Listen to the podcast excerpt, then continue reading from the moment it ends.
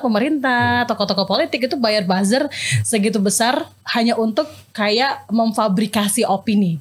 Mereka punya karpet merah. Tapi kan bahaya juga ini mas sebenarnya mas. Kalau misal eh, kebijakan ataupun hal apa pun itu dibuat Berdasarkan by sentimen, sentimen dan trending. by trending. Mas. Trending. Eh, apaan nih? Apaan nih? Oh gitu. Masa sih kayak gini? Emang beneran? Eh FYP nih FYP coy. Cari tahu di mana ya? Bentar-bentar. Podcast catatan tebet. Agak-agak ngeri-ngeri sedap sebenarnya Mas Don karena udah mau masuk tahun politik kan ya. Grup WhatsApp mulai harus disenyapkan Bener. dan mulai lebih banyak Harus lagi. dikuatkan hati mbak untuk menjelaskan kepada bapak, ibu dan saudara-saudara kita. Om tante gitu ya. Bahwa nggak semuanya itu benar. Oh nggak semuanya itu. Kita pernah punya pengalaman apa namanya polarisasi yang ekstrim kan. Betul. Betul. 2019 mas Don ya. Iya kan dan eh, dan ini sangat mungkin terjadi lagi sangat mungkin tapi mudah-mudahan enggak Tidak. Tapi sangat mungkin terjadi lagi polarisasinya menimbulkan perpecahan di antar keluarga aja bisa pecah gitu Iya. Iya kan. betul. parah banget Kerasa gitu. banget. Anda sudah pernah dikeluarkan dari grup keluarga. Karena membahas Sering di itu. mention cuman saya nggak muncul aja mbak. Oh, Nah, gitu. itu ya.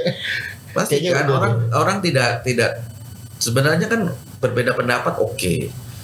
Eh, tapi di satu titik kemudian kalau itu menjadi fanatisme dan fanatismenya karena post truth gitu ya pokoknya saya yakin dia benar saya yakin itu salah peduli amat gitu eh, apa kata orang. Terus di, kemudian dikompori sama apa namanya eh, media sosial Media. yang bias apalagi kan sering kita bias konfirmasi ya Betul. confirmation bias gitu.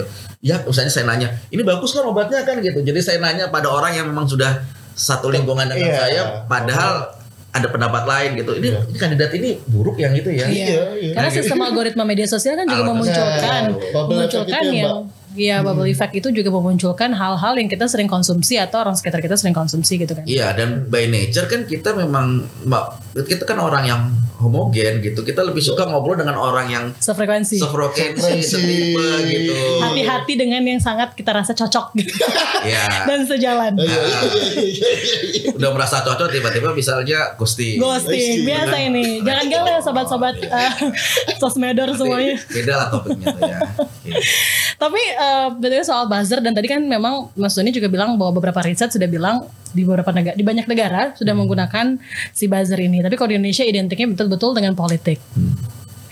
Menurut Mas Doni sendiri sah-sah sah-sah aja nggak sih kalau misalnya pemerintah, tokoh-tokoh politik itu bayar buzzer segitu besar hanya untuk kayak memfabrikasi opini supaya sesuai dengan keinginan dan tujuan mereka. Eh, pertama tuh ini industri. Oke. Sudah jadi industri. Benar. Eh, dan industri itu ya secara umum dia ada uang ada barang ada uang ada Iya, jasa ada gitu ya. demand-nya, supply-nya kita siapkan. Oke. Anda menghayati sekali ya. Nah, kalau memang dalam rangka untuk memberikan sandingan informasi, kemudian kita ada apa namanya tadi itu kontestasi gagasan, Gagasan. Ide gitu segala macam, bahkan ideologi sekalipun, menurut saya nggak apa-apa, siapa pun monggo aja eh, pakai buzzer gitu ya. Dalam artian apa tadi? Jadi ini ada satu gagasan, kemudian gagasannya muncul menjadi percakapan. Ya. Itu bagus. Bagus. Kemudian ada Iya. gagasan lain jadi percakapan. Kemudian nanti oh berarti ini ada percakapan tandingan karena kalau tidak ada tandingan atas gagasan apa pun ya Iya. Otoriter itu namanya gitu. Kita tidak bisa mem- memiliki kemampuan untuk berpikir kritis. Berpikir kritis kan karena karena kita memiliki Iya. apa pilihan-pilihan informasi. Betul. Jadi kalau buzzer dalam konteks positif digunakan untuk memberikan tandingan informasi ataupun sandingan informasi, boleh siapa pun boleh nggak jadi masalah. Nanti kan diperkuat sama influencer yang memang punya expertise. Yang jadi mas tantangan adalah ketika buzzer memberikan Untuk eh, validasi. untuk memvalidasi sesuatu yang sebenarnya itu bertentangan misalnya dengan aspek hukum, dengan eh, common sense, bertentangan dengan nurani dan segala macam.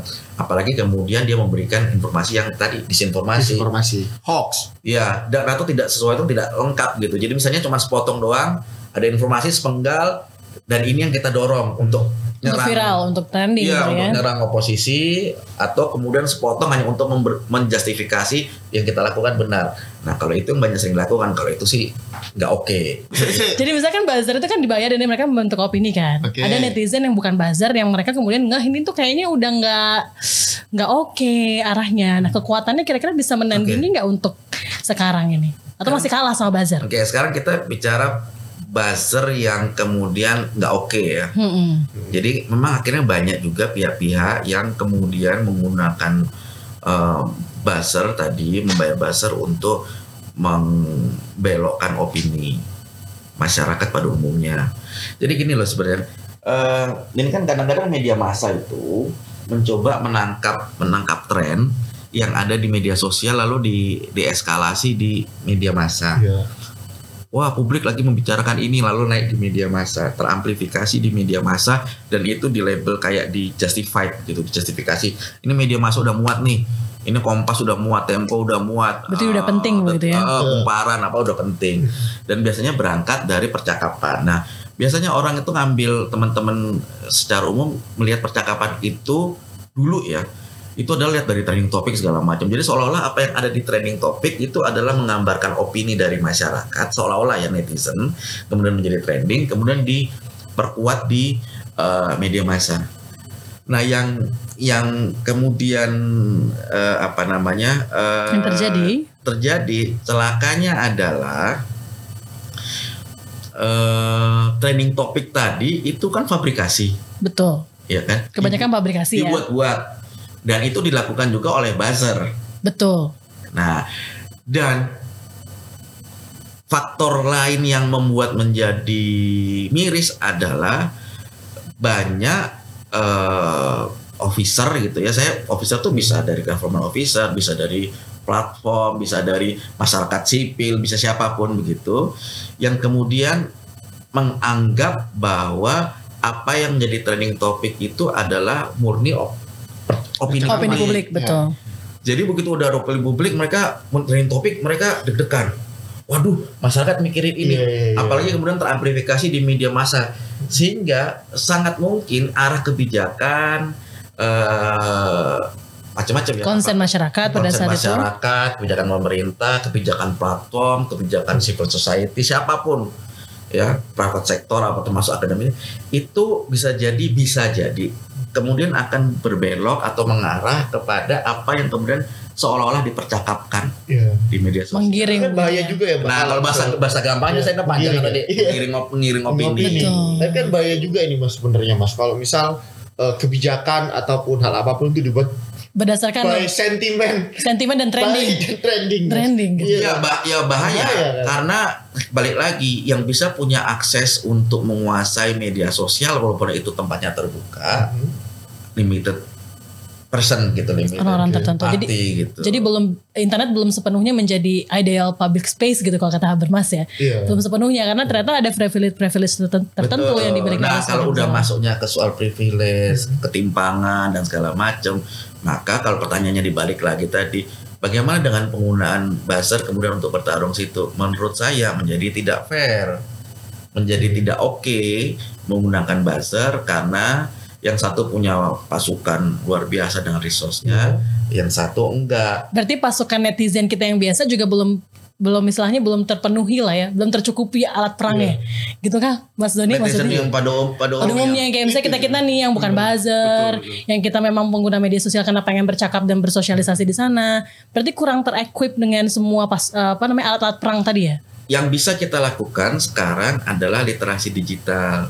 Jadi si teman-teman, jadi sebenarnya gini, teman-teman netizen yang pada umumnya Sosmedor gitu ya. Sosmedor, itu makanya ada program literasi digital yang bareng-bareng teman-teman ICT Watch, teman-teman Oke. jaringnya siber kreasi dan segala macam itu mengajak untuk berpikir kritis memilah memilih informasi. Jadi terserah nih buzzer mau positif negatif mereka tarung di situ ya karena memang itu udah industri. Eh, tetapi kita yang kemudian bisa lebih memilah memilih informasi. Tapi emang ngomongin soal equipment ya Mas, soal netizen Indonesia ini eh, mereka itu punya itu loh Mas. Mbak. Ketika ada suatu persoalan yang sama, mereka itu ada apa ya semacam keinginan bersama untuk kayak misal kemarin nih contohnya nih. FOMO nggak sih? Kayak kemarin eh, yang KTT G20 Mbak. Betul. itu kan ada salah satu influencer ya Mas Inggris yang eh, ngetawain soal batik. Iya. Iya kan yang dipakai sama eh, PM Inggris kan. Itu gimana ngelihat apa itu reaksi netizen Indonesia yang dalam waktu satu kali 24 jam bikin akunnya langsung ke band, Pak. kan luar biasa itu sebenarnya kalau secara equipment udah oke loh, Mas. Betul. Ada yang ngomong tahun 23 ini, 2023 ini masa tahun gelap. Ada tapi juga yang ngomong Indonesia is bright spot ya kan. Hmm. Kalau kita ngomongin soal buzzer apalagi di tahun politik, kita harus gimana nih Mas kira-kira tahun 2023, Mas?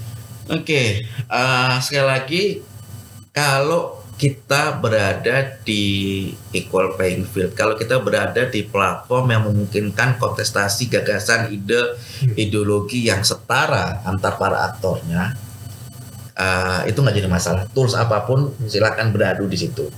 Sepanjang tadi juga dilengkapi dengan kemampuan masyarakat yang critical thinking apa berpikir kritisnya Oke gitu itu ya. sudah memadai. Literasi digitalnya sudah memadai. Nah, kita ngukur diri aja dulu nih. Oke. Apakah literasi digital kita sudah mencukupi? Tetap ada pro- tetap ada kenaikan dari tahun ke tahun.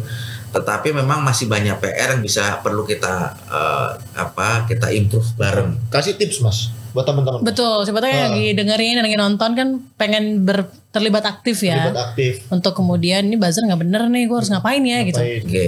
Jadi pertama, kalau teman-teman ini critical thinking itu sederhananya adalah eh, kalau dapat informasi biasakan untuk punya eh, respon pertama adalah ah masa sih gitu. Oh, Oke, Skeptis dulu kita. Skeptis. skeptis ya. Jadi kalau kita punya skeptis eh, biasain dulu deh ada informasi ah masa sih gitu. Biasanya kalau sudah punya sifat itu yang kedua kita akan cari informasi Hmm. cari informasi pembanding, informasi tandingan, informasi sandingan dan segala macam. Jadi kalau kita sudah punya eh, keinginan, ah gue cari dulu deh, ini bener nggak sih yang diomongin, bener nggak sih yang trending, bener nggak sih yang ditulis media, Bener nggak sih yang di share di grup WhatsApp? Iya kayak gitu kan, bahkan media mainstream juga kan kita harus skeptis. gitu. Betul. Setelah kemudian kita akan cari informasi. Nah yang jadi tantangan berikutnya adalah keahlian mencari informasi. Makanya kalau di super kreasi itu ada digital skills juga. Kita tuh eh, misalnya ke sejumlah eh, daerah-daerah gitu bikin eh, nggak di daerah dalam artian di daerah-daerah gitu. Tapi di sejumlah tempat misalnya kita banyak peserta yang Bapak Ibu mari kita buka browser itu mereka masih bingung. Coba googling mereka masih bingung karena bagi mereka internet itu adalah WhatsApp atau medsos Atau Facebook gitu lah ya. atau Facebook Betul. gitu kan. Iya, iya. Jadi mereka jadi pertama harus punya skeptis tadi, yang kedua punya keinginan untuk mencari informasi, Hmm. yang ketiga mereka tahu bagaimana nyari pakai gadget mereka nyari informasi. Nah, yang keempat PR kita semua adalah menyediakan informasi yang memang Benar tadi. benar tadi. Hmm. Yang sering jadi tantangan adalah kita ngajarin orang untuk skeptis, which is okay. Oke. Kita ajarin skillnya untuk nyari apa uh, untuk, tahu. untuk Mencari, mencari jawabannya. informasi. Pada saat mereka sudah bisa nyari, informasinya nggak ada Nah, gitu. Kenapa nggak ada?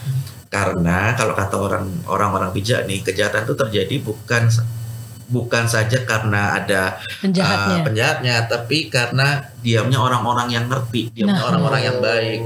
Misalnya Silent majority. Saya aja majority, misalnya, betul. kita udah tahu nih ada sesuatu yang salah gitu ya. Iya. Terus kita oh ntar biar aja kok akan, akan ada, Ada. orang lain. Ya, yang ya, ya. ini kayak bagus tadi yang di-mention sebenarnya harusnya punya kita punya kesempatan untuk membantu meluruskan tapi kita udah udah males duluan gitu Ah, ya. iya, kadang Iya. itu kayak mau nanggepin ah elah gitu. Iya. Saya sih tidak sepakat kemudian buzzer digunakan untuk mempengaruhi uh, Opini publik Opini- ya. opini publik ya Uh, kontestasi itu sebaiknya dilakukan oleh influencer oke karena mereka punya background of knowledge Hmm. segala macam tapi kalau buzzer itu kan opini saya Betul. bahwa saya mungkin saya tidak setuju tapi bahwa kemudian itu bisnis dan segala macam ya ya, Oke, ya, idealnya. Sebenarnya s- jadi sebenarnya gini mas, kalau tadi ngikutin kata Mas Tony, buzzer ini nggak boleh kampanyekan, kalau influencer boleh mengkampanyekan. ini soalnya di gray area ya Ya, kalau saya sih ide- idealismenya saya akan berkata bahwa silakan menggunakan buzzer silakan menggunakan influencer selama informasi yang disampaikan adalah memang bermanfaat, objektif, itu based on truth gitu segala macam. Tetapi eh, yang namanya truth, yang namanya kenyataan segala macam bisa difabrikasi. Iya kalau ada Kan jadi- uangnya bisa di Bisa. bisa dibuat lah ya. Bisa, bisa. Itu kan kalau katanya si siapa tuh eh, pro, ahli pro- propagandanya Nazi kan bilang kebohongan yang disampaikan terus menerus menjadi Jadi kebenaran. kebenaran. Ya, jadi serba salah sekali lagi. Buster is industry harusnya to, supposed to be netral gitu, tapi tetapi kemudian ya itu tadi ada fabrikasi, ada post truth, ada algoritma medsos segala sosial. macam membuat ini menjadi tidak oke namanya, tidak oke kemudian pada praktek-prakteknya. gitu. Tapi kalau kita misalnya nge-report gitu mas di sosial media kita ngelihat yang kayak begitu itu cukup efektif nggak sih untuk memberhentikan Jadi buzzer gini. dan misinformasi? jumlah media sosial kayak di YouTube eh, teman-teman di jejaringnya cyberkreasi kayak si ST Watch, Mavindo dan beberapa yang lainnya itu sebagai trusted flagger. Mereka punya karpet merah, jadi istilahnya kalau kita nge-flag gitu itu langsung menjadi perhatian khusus. Beda kalau orang Hmm, kayak misal biasa biasa itu dia kan harus, gitu. harus beberapa orang Hmm. banyak yang nge-flag baru kemudian menjadi atensi, eh, atensi Atensi. khusus kan. Nah kalau yang trusted flagger itu itu itu bisa eh, apa langsung di- disikapi. Nah hal itu bisa dilakukan. Bisa dia tanya efektif apa nggak bisa. Jadi misalnya dari kita kita nih bareng-bareng. eh, bareng-bareng kita nge-flag gitu ya Sep- seperti yang waktu kejadian Iya, eh, netizen Indonesia itu ya netizen Mas yang ya. gitu Eh, atau lewat report ke teman-teman yang trusted flagger tadi kayak Hmm. ST Watt, Mavindo segala macam itu bisa langsung gitu. Tapi yang menjadi tantangan adalah itu kan patah tumbuh hilang berganti. Iya, Hmm. betul Mas. Jadi ada satu, ada lagi, ada satu lagi segala macam. Akhirnya kalau mekanisme organik itu yang dilakukan, ya bisa. Tetapi Lama ya. Sekali lagi ini industri di belakangnya Iya kekuatannya besar kan. Ya, Capek ya Mas ya. capek. Nah, makanya perlu dibangun adalah ketahanan diri dari si netizen itu tadi. Kira-kira eh, apa itu namanya? Pemerintah bakal ngebatasin nggak? Oke. Atau platform yang batasin terkait itu Mas? Eh, misalnya untuk menuju ke pemilu ini kan Iya. teman-teman sudah ada sejumlah diskusi antara masyarakat sipil, pemerintah dengan Panwaslu, eh, kemudian juga KPU ya. Eh, gagasannya kan adalah bu- sebenarnya bukan soal buzzernya, influencernya atau tapi bagaimana informasi yang disampaikan terkait dengan eh, politik tadi itu nggak serampangan, nggak sembarangan. Mau buzzer, mau influencer, mau expert, mau siapa pun adalah lu kalau ngomong yang benar gitu loh berdasarkan fakta realita Fakta gitu dan bisa dipertanggungjawabkan. betul bukan untuk melakukan disintegrasi bukan buat disinfo, apa disinformasi disharmoni bukan itu dan kalau itu secara hukum untuk bicara kontennya itu sebenarnya sudah ada sudah ada regulasinya Hmm.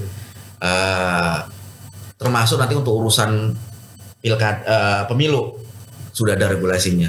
Jadi bukan menurut saya yang diatur adalah bukan pada si buzzernya, influencer atau apa, tetapi pada informasi apa atau kabar apa yang mereka sampaikan di media sosial. Oke, lebih ke substansinya apa Lebih gitu ya, substansi. informasinya apa. Kalau misalnya kita misalnya nih, kita ngebahas tentang eh, Indonesia eh, potensi wisata dan segala macam, salah nggak? Itu oke banget Itu kan. oke. Itu kan di- boleh dilakukan oleh buzzer kan. Iya. Boleh. Tetapi kemudian tetap kita bilang bahwa eh, ada fitnah di situ bahwa ini apa Islamisasi, Kristenisasi dan segala macam.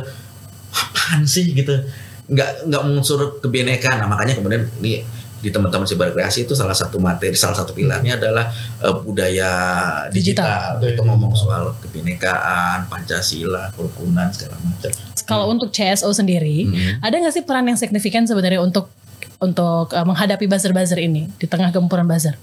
Jadi peran masyarakat sipil itu penting banget. Makanya sejumlah masyarakat sipil sekarang sudah mulai berkoordinasi satu dengan yang lainnya untuk 2024. 2024. Oke. Jadi itu baik masyarakat sipil yang isunya di literasi digital, yang isunya di pemilu, Pemilu. yang isunya di ke masyarakat, pemberian masyarakat segala macam itu udah udah mulai. Tapi nggak cuma masyarakat sipil aja, platform itu juga kita Nah, ajak ngobrol betul. diskusi. Karena Iya. mereka sebenarnya rumahnya kan ya. rumahnya Iya. di situ, mereka yang punya algoritma. Nah, TKP-nya di situ, Mbak. mereka yang punya community guidelines-nya di situ. Iya. Betul.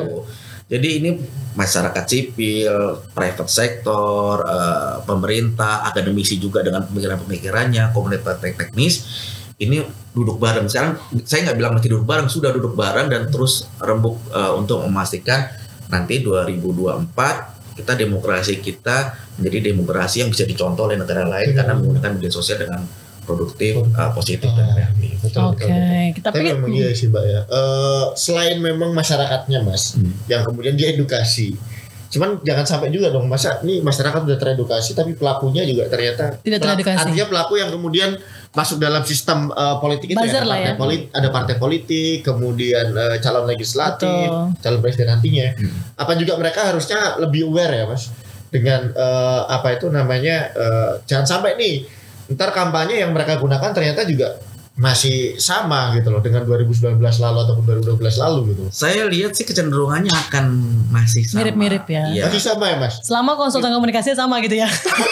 masih akan Iya, iya. polanya akan sama, Sama ya? tetapi kita punya positif eh, apa kita punya pemikiran positif bahwa walaupun polanya sama tapi masyarakat kita yang menjadi Lebih dewasa. kritis Dan sudah siap, lebih siap ya. sudah siap gitu ya nggak apa-apa bisnis lu mau jual apa segala macam kalau gua nggak mau beli nah Apa? itu yang kita kita mereka punya skeptisme tadi mereka punya skill dan informasinya eh, kita Pas dia. kita sediakan gitu jangan cuma diem aja nih orang-orang yang ngerti orang-orang yang baik gitu. Jadi insya Allah 2024 kita nggak ngomongin soal cebong kampret lagi mas. Itu ada istilah yang lain. Yang lain lah, Yang ganti ganti. ya. Iya, iya, iya. karena capek banget, mbak. Capek, capek. Iya kan. Tapi memang eh, kalau misal lihat eh, election di US kan udah dulu kan Trump sama Biden kan Trump masih menggunakan itu tapi kemudian kan eh, masyarakat Amerika kemudian lebih aware ya. Kita harap juga di Indonesia ada dewasa atau kedewasaan politik dari masyarakat lah ya untuk menghadapi 2024 nanti. Dan bijaksana. Kalau Iya. edukasi buat buzzer penting gak sih mas atau perlu gak sih kita lakukan juga? Mereka kan industri mbak, tergantung Tapi kan- klien. Oh, tergantung. Siapa tahu karena maka ada rencana untuk mengedukasi buzzer ke depannya.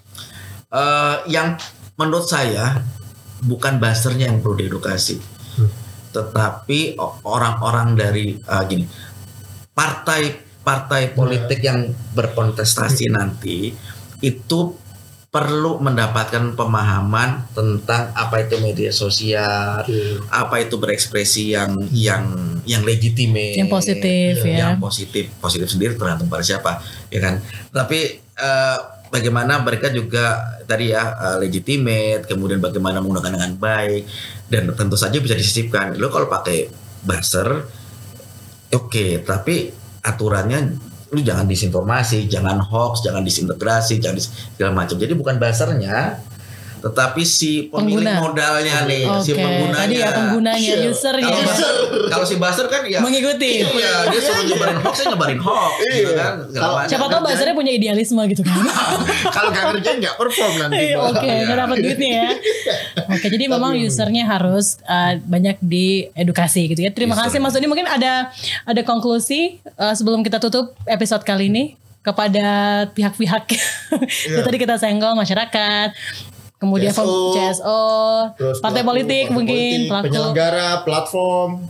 Ya artinya nanti kalau di 2024 du- menuju 2024 itu kan akan banyak sekali eh, apa namanya pertarungan gagasan. Oke. Monggo silakan gunakan media sosial, tetapi sekali lagi eh, kita perlu mengukur kesiapan masyarakat kita untuk mendapatkan informasi, kelengkapan informasi yang tersedia dan segala macam. Tapi yang perlu dipikirkan juga adalah eh, sebaik-baiknya informasi adalah informasi yang berdasarkan data ataupun fakta. Iya. Menggunakan tools apa pun di internet nggak jadi masalah mau beriklan apa pun toh memang buzzer itu industri influencer itu juga ada yang terorkestrasi dalam satu agensi gitu Betul. kan. Itu Ya. juga industri. Nggak apa-apa pakai itu silakan. Tetapi kalau kemudian tidak berdasarkan data tidak berdasarkan fakta tidak punya integritas yang penting asal trending segala macam kalau bagi saya sih no way. Gitu. Jadi kita harus ya. mendewasakan eh, demokrasi kita dengan cara yang baik juga Oke, dan tadi juga Mas Doni kan sempat highlight ya yang pinter-pinter, yang memahami jangan diem aja. Udah saatnya sekarang pakai media sosial untuk jauh lebih bagus lagi dan mengedukasi teman-teman yang memang belum memahami lah isu-isu tertentu.